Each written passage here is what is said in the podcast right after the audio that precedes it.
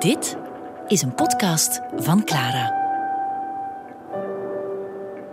11 november, 8 uur. Aan het Maasfront wordt nog steeds gevochten. Nog drie uur en de wapenstilstand gaat in. De Duitse sergeant George Bucher zit daar met een jonge gast in zijn armen. In een schuilplaats terwijl de bommen blijven vallen. En de jongen is gewond geraakt. Net een uur daarvoor. En ze zitten te jammeren samen. Hij, weet niet hoe dat hij die jongen moet troosten, maar hij blijft bij hem. En ondertussen ziet hij van alles gebeuren rondom hem. En nu dat het nieuws bekend is dat de wapenstilstand getekend is, en om 11 uur de wapens zullen zwijgen, ziet hij zelfs sommigen vertrekken. In zijn dagboek beschrijft hij wat hij rondom hem ziet. Al waar we aan konden denken was hoe we de komende drie uur zouden overleven. Vele mannen pakten hun zakken al. Een van hen stond zelfs klaar om weg te rennen. Hij keek me aan. We kenden elkaar al lange tijd. Ik kon niets uitbrengen en haastte me van hem weg. Hij hoefde zich niet te schamen. Mijn bewondering had hij al aan de marne gekregen en die laatste ogenblikken zouden hem niet onteren.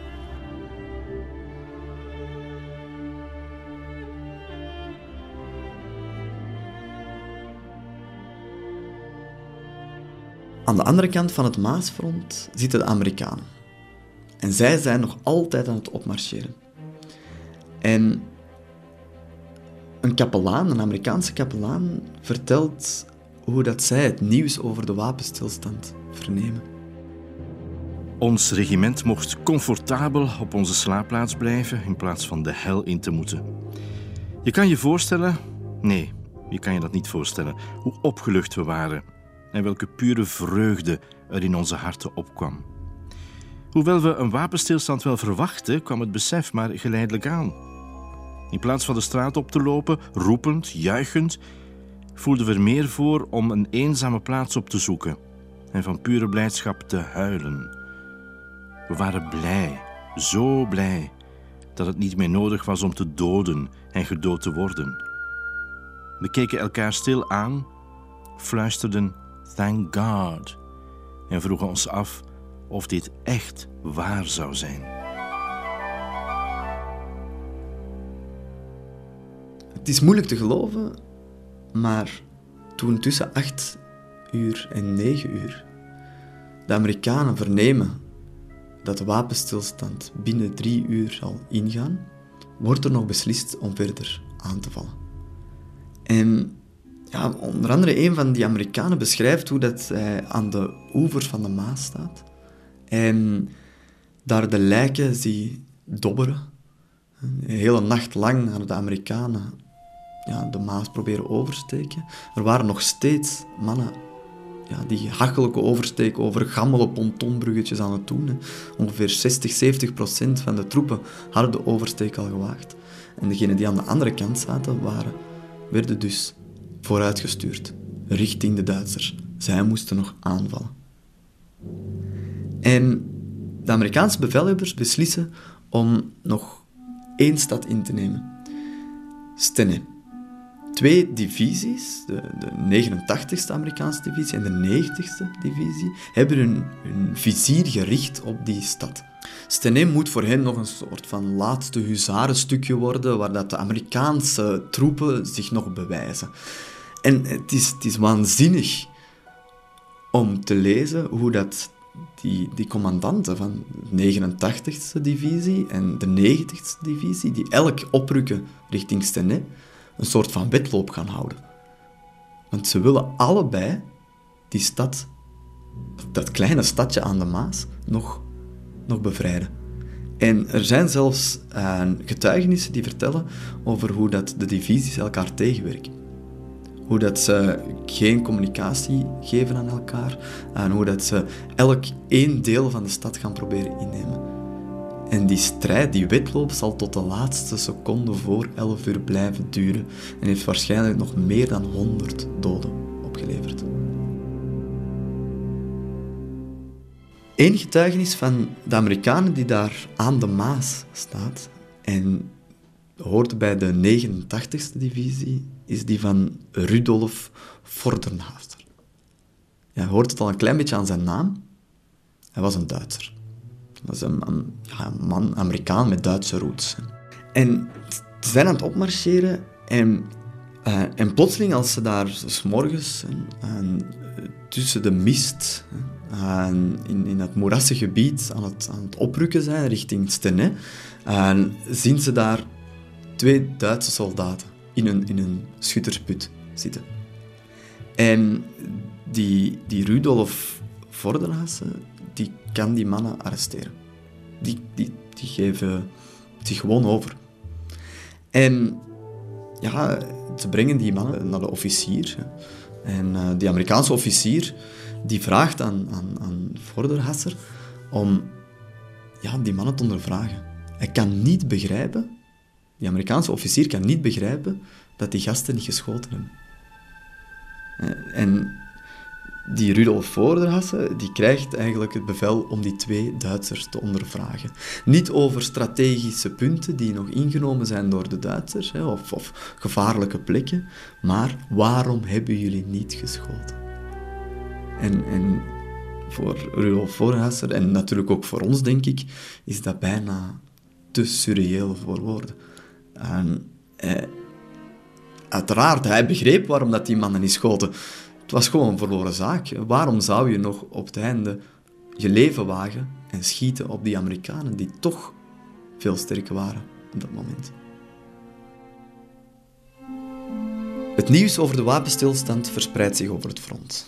En hier en daar barsten feesten los. En op andere plekken wordt er nog gevochten. Het grootste deel van België is op dat moment natuurlijk nog bezet door de Duitsers. Alles ten oosten van Bergen en van Gent is nog in Duitse handen. En ook daar begint het nieuws door te dringen. Het nieuws dat de oorlog voorbij zal zijn om 11 uur. En het wordt eigenlijk met heel veel ongeloof aanhoord. Uh, in de dagboeken van, ja, van burgers lees je enorm veel twijfel. En die twijfel die was wel te begrijpen. En de laatste dagen waren er ontzettend veel werken geweest. Er waren zelfs uh, Belgische dwangarbeiders ingezet om nog vliegpleinen aan te leggen in, in, in de laatste dagen van de oorlog. Hè, om nog loopgraven te graven. En, en het, het leek alsof de Duitsers nog een soort van laatste ultieme strijd wilden voeren. En als ze dan het nieuws horen, de Belgen, als die dan het nieuws horen het, het gaat gedaan zijn om 11 uur, dan wil niemand dat geloven. In Sint-Lieveshouten, het Oost-Vlaamse dorp, is er een dagboekschrijfster, een uh, Rachel van Gijzegem. En zij noteert, zou de dag ons eindelijk lang en vurig gewenste vrede brengen. Wij twijfelden er nog aan, omdat wij het kanon nog hoorden bulderen. Verder daar vandaan, in Aalst, zit een jong gastje, 12 jaar, ook in zijn dagboek te noteren. En hij zegt dat iedereen op straat kwam en, en, en eigenlijk begint te luisteren naar het kanonnengebulder dat nog altijd te horen was aan de horizon. En ook daar wil niemand geloven dat het echt voorbij gaat zijn. Want ze zien nog Duitse militairen zich ingraven, uh, mitrailleurs klaarzetten. En er wordt al gezegd dat, dat de Belgen onderweg zijn en dat Gent bijna ingenomen is en dat ze nog voor de middag in Aalst zouden zijn. Maar niemand wil geloven dat het echt zover is. In Gent was er nog altijd dat bizarre overwinningsfeest bezig. De Gentenaars voelden al aan dat ze bevrijd waren, maar de Belgische militairen stonden nog altijd aan de rand van Gent en mochten nog steeds niet Gent binnenmarcheren. Maar veel militairen hadden dat bevel om stand te houden aan de grens van Gent al lang genegeerd en waren Gent binnengetreden en waren aan het feesten met de bevolking. En een van hen uh, was Jeff. Maar hij krijgt van zijn officier het bevel om een bewakingspost op te zetten. Onze officieren namen hun voorzorgen opdat wij niet verder vooruit zouden trekken. In vele staten werden dubbele wachten uitgezet om te beletten dat soldaten de stad zouden verlaten. Zo werd ook ik, samen met Louis Meusen, te midden van een kruispunt opgesteld. Werkelijk, vele mannen hadden verder vooruit gewild, wij hielden er meerdere tegen. Er kwamen meisjes met ons praten en zowel mannen als vrouwen boden drank aan. De overwinningsroes had de Gentenaars te pakken en in heel Gent was er geen enkele soldaat meer die niet licht dronken was. Sommigen waren zelfs stomdronken. Ook ik had mijn buikje goed vol. In het centrum van Gent krijg je een heel bizar tafereel. Er komt een heel populaire socialistische minister. Spreken en, en wuiven naar de feestvierende bevolking op het balkon van het stadhuis. Emiel van der Velde. En die Emiel van der Velde, die... Ja, die zijn constant aan dat de socialisten iets van plan zijn. En hij gaat richting de vooruit. En daar begint hij te speechen. We weten niet exact wanneer het gebeurd is. Is het echt om acht uur gebeurd of is het iets later? Maar hij doet daar een speech die doet denken aan tafereelen in Brussel en in Berlijn, waar de revolutie al lang de greep had genomen op de stedelingen. Maar het is vooral in ons huis, bekende grote, majestueuze, socialistische gebouw op de vrijdagmarkt, dat hij de massa begeesterd toespreekt. Duitsland wordt socialistisch. De rode vlag wappert op het Rijksdaggebouw. Beieren wordt een republiek en nog andere staten zullen volgen. Het volk is overwinnaar. Drie tirannen, de grootste werktuigen van de oorlog, mochten de wraak van het volk niet ontgaan. Zij moesten gestraft worden en ze zijn gestraft. De tsaar is voor de kop geschoten. De keizer van Oostenrijk is in Zwitserland. En de keizer van Duitsland en zijn zoon zijn op de vlucht in Holland. En nu is de toekomst aan het socialisme. Altijd en overal socialisten, socialisten, socialisten.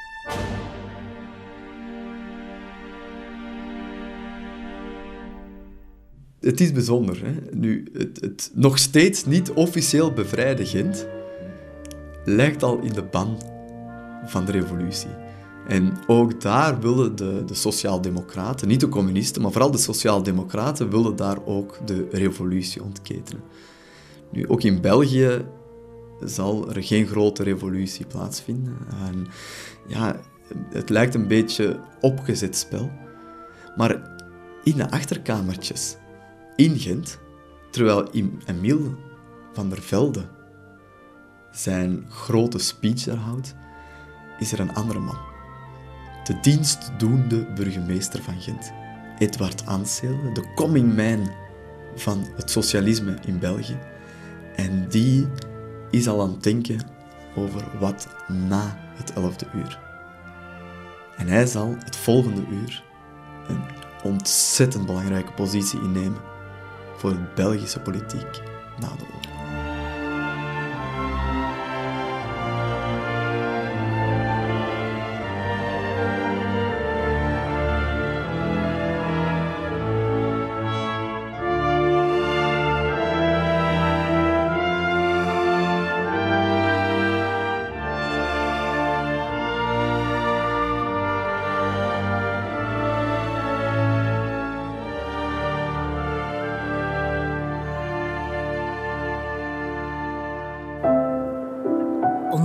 Onze andere podcasts via clara.be.